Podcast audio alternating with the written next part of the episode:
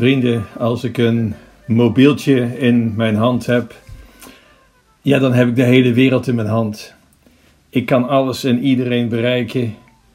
Hele bibliotheken van heel de wereld staan erop. Films, muziek. Je kunt contact hebben met iedereen. Er hoeft maar iets te gebeuren aan de andere kant van de wereld en we weten het meteen hier ook.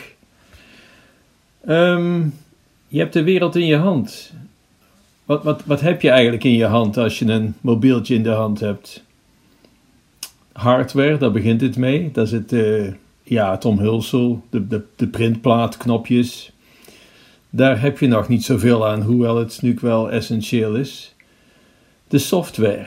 De software die bepaalt wat de mogelijkheden zijn. En die zijn er ongelooflijk veel. Apps, bellen, internetten, chatten, gamen, noem alles maar op. Alle kranten van de wereld kun je erop vinden. Ben je er dan? Nee, nee. Eén ding is essentieel. Hoe goed het apparaat ook is, hoe groot de mogelijkheden ook zijn, als er geen energie in zit, dan heb je er nog niks aan. Je moet het wel opladen met nieuwe energie, stekker in het stopcontact. Doe je dat niet, dan zijpelt de stroom weg en dan heb je aan het hele apparaat niks meer. Dat is een mobieltje, een mens. Waar bestaat een mens uit? Nou, ook hardware, laat ik maar zeggen. Um, botten en vlees en bloed en organen. Dat soort zaken. Je kunt het nog anders benaderen. Waar bestaat een mens uit? Nou, grotendeels water, vet, wat kalk, wat fosfor, nog wat kleine dingen. Goed, dat is maar iets doods allemaal. Hoe komt er leven in? Door de software die met de mens is meegegeven. Want het werkt wonderbaarlijk. Als ik een stukje appel eet, ik kan dat kauwen, ik heb kiezen daarvoor gekregen. Speeksel zorgt dat het makkelijk in te slikken is. Ehm, wat doet het vervolgens door allerlei slangen en buizen en klepjes? Heeft het een functie? Het geeft zuurstof aan het bloed. Het bloed zorgt dat het hart kan pompen, dat de hersens werken, dat alles in werking treedt en dat je kunt bewegen, dat je kunt denken. De mogelijkheden zijn ongelooflijk. Maar dat zegt nog niet alles, want als een mens slaapt of in coma is, dan functioneert ook alles. Maar dan zit er nog geen beweging in. Wat maakt het dat een mens in beweging zet waar hij voor kiest, waar hij voor gaat?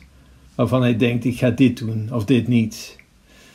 Wat, wat, wat beweegt een mens? Heeft het geloof daarmee te maken? Het is drievuldigheidszondag, altijd een lastige zondag om te preken.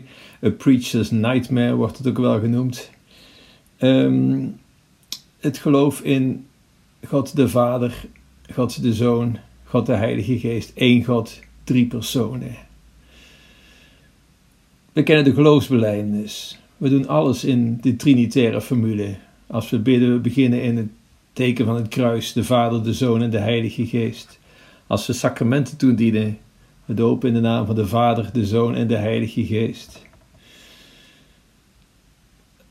Wat, wat, wat, waar hebben we het eigenlijk over? Van de, God de Vader wordt niet zoveel gezegd, dat Hij is de schepper van hemel en aarde. De schepper, de maker. Nou, laat ik maar in de beeldspraak blijven. Hij is de maker van de hardware, van alles wat maar bestaat van de hemel, van de aarde, van de planten, van de zee, de vissen, de mensen, de planeten, de zon, de sterren, de melkwegstelsels. Dat is nog een beetje doods. De software, wat zijn de mogelijkheden?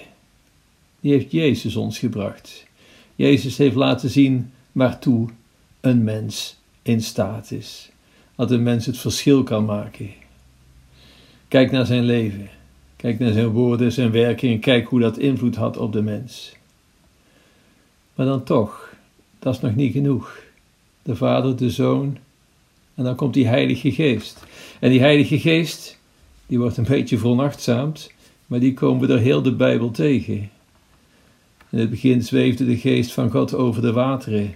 En het is die geest die leven bracht in de wereld, in de gewassen, in de dieren en de mens. Hij werd de levensadem ingeblazen. En dus kijk ook naar het leven van Jezus. Kijk naar het leven van Jezus. Het is de Heilige Geest die zorgt dat God mens kan worden na de instemming van Maria. Door de Geest gedreven gaat Jezus naar de woestijn. Bij het doopsel van Jezus de Heilige Geest daalt neer in de gedaante van een duif. Dit is mijn zoon, mijn welbeminde, zo horen we de stem van God de Vader. Het is door die geest dat Jezus de wonderwerken deed en de wil van de Vader volbracht. Het is diezelfde geest die de apostelen bezielde. Ze baden erom nadrukkelijk, samen met Maria. En kijk eens hoe zij door de geest gedreven hun leven vervolg hebben gegeven, erop uit zijn getrokken in navolging van Christus en het verschil hebben gemaakt. Een vraag. Maakt het uit wat je gelooft? Het gaat er toch om dat je goed bent, dat je aardig bent, zo hoor ik vaak zeggen. En als dat zo is, maakt het eigenlijk niet meer veel uit wat je gelooft. Vraag is: is dat zo? Is dat zo? Als je kijkt naar de tijd voor Christus, de tijd voor Christus, toen hadden we zeker ook beschaving uiteraard. Denk aan grote filosofen als Plato, Socrates, Cicero. Um, vonden zij dat mensen allemaal gelijkwaardig geschapen waren, dat de rechten voor iedereen golden, dat iedereen het recht had in vrijheid te leven? Nee, nee, in het geheel niet zelfs. Slavernij, men vond het normaal. Er was een bevoorrechte klasse, die had het voor het zeggen en de rest moest maar doen wat hun verteld werd. Slavernij, een normale zaak. Het ongeboren leven, ja, als dat niet gewenst was, men bracht het om het leven. Kijk eens naar de eerste christenen, die leefden in de geest van Jezus. Die dachten daar heel anders over. Vreemdelingen, daar hadden ze zorg voor. Niemand begreep dat, dat deed niemand. Waarom zou je dat doen? Iemand van een andere stam, die ging je uit de weg, of je werkte hem uit de weg. Zorg voor weduwe en wezen. Dat deed men niet.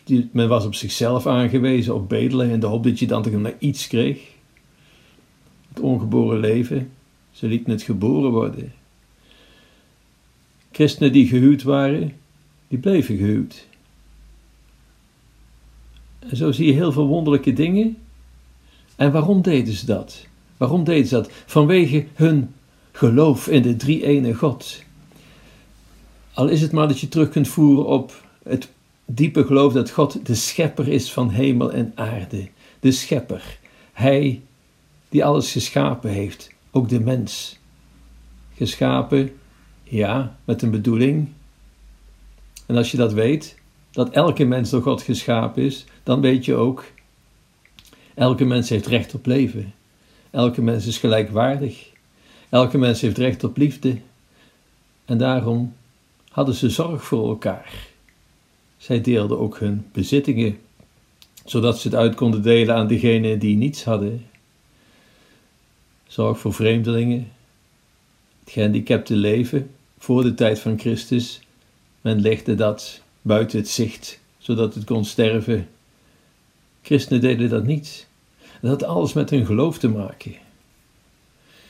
Kijk ook eens naar de heiligen. Kijk eens naar hoe zij het verschil gemaakt hebben en hoe zij anders deden. De kerk heeft zich altijd bekommerd om de orthodoxie. Op de heldere leer, wat geloven we eigenlijk? Dat heeft men altijd helder voor ogen willen hebben. De orthopraxis is natuurlijk ook van belang, maar niet alleen dat.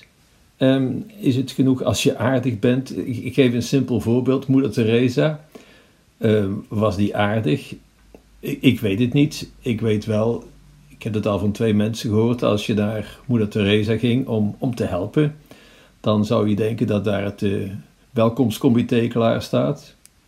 Nee, ze zei simpelweg: Die mensen zijn vies, ze zijn lastig, ze stinken. Wil je nog steeds komen helpen? Is dat aardig? Dat mag u zelf zeggen. Maar toch, deze moeder Teresa, die hielp al die mensen. En de meeste mensen, als die iemand stervend op straat zagen liggen in Calcutta, die liepen er met een wijde boog omheen. Waren dat allemaal onaardige mensen? Dat lijkt me sterk. En toch, ze dachten, wat heb ik ermee te maken? En moeder Teresa, omwille van haar geloof in Jezus Christus, alles wat je voor anderen hebt gedaan, hebt je voor mij gedaan. En ze kon dat maar uit kracht van die Heilige Geest. Want die zet aan. Die geeft je bepaalde richting. Die geeft aan wat te doen. En die geeft je er ook de kracht. Om even terug te komen op een mobieltje. Ja, dat moet je wel af en toe opladen met nieuwe energie. Anders heb je er niks meer aan. We hebben de Heilige Geest ontvangen. Bij het vormsel in het bijzonder. En werkt dat voor je heel je leven? Eens gevormd altijd. Die Heilige Geest? Nee, ook dat. Ook die geest moet je opladen met nieuwe energie.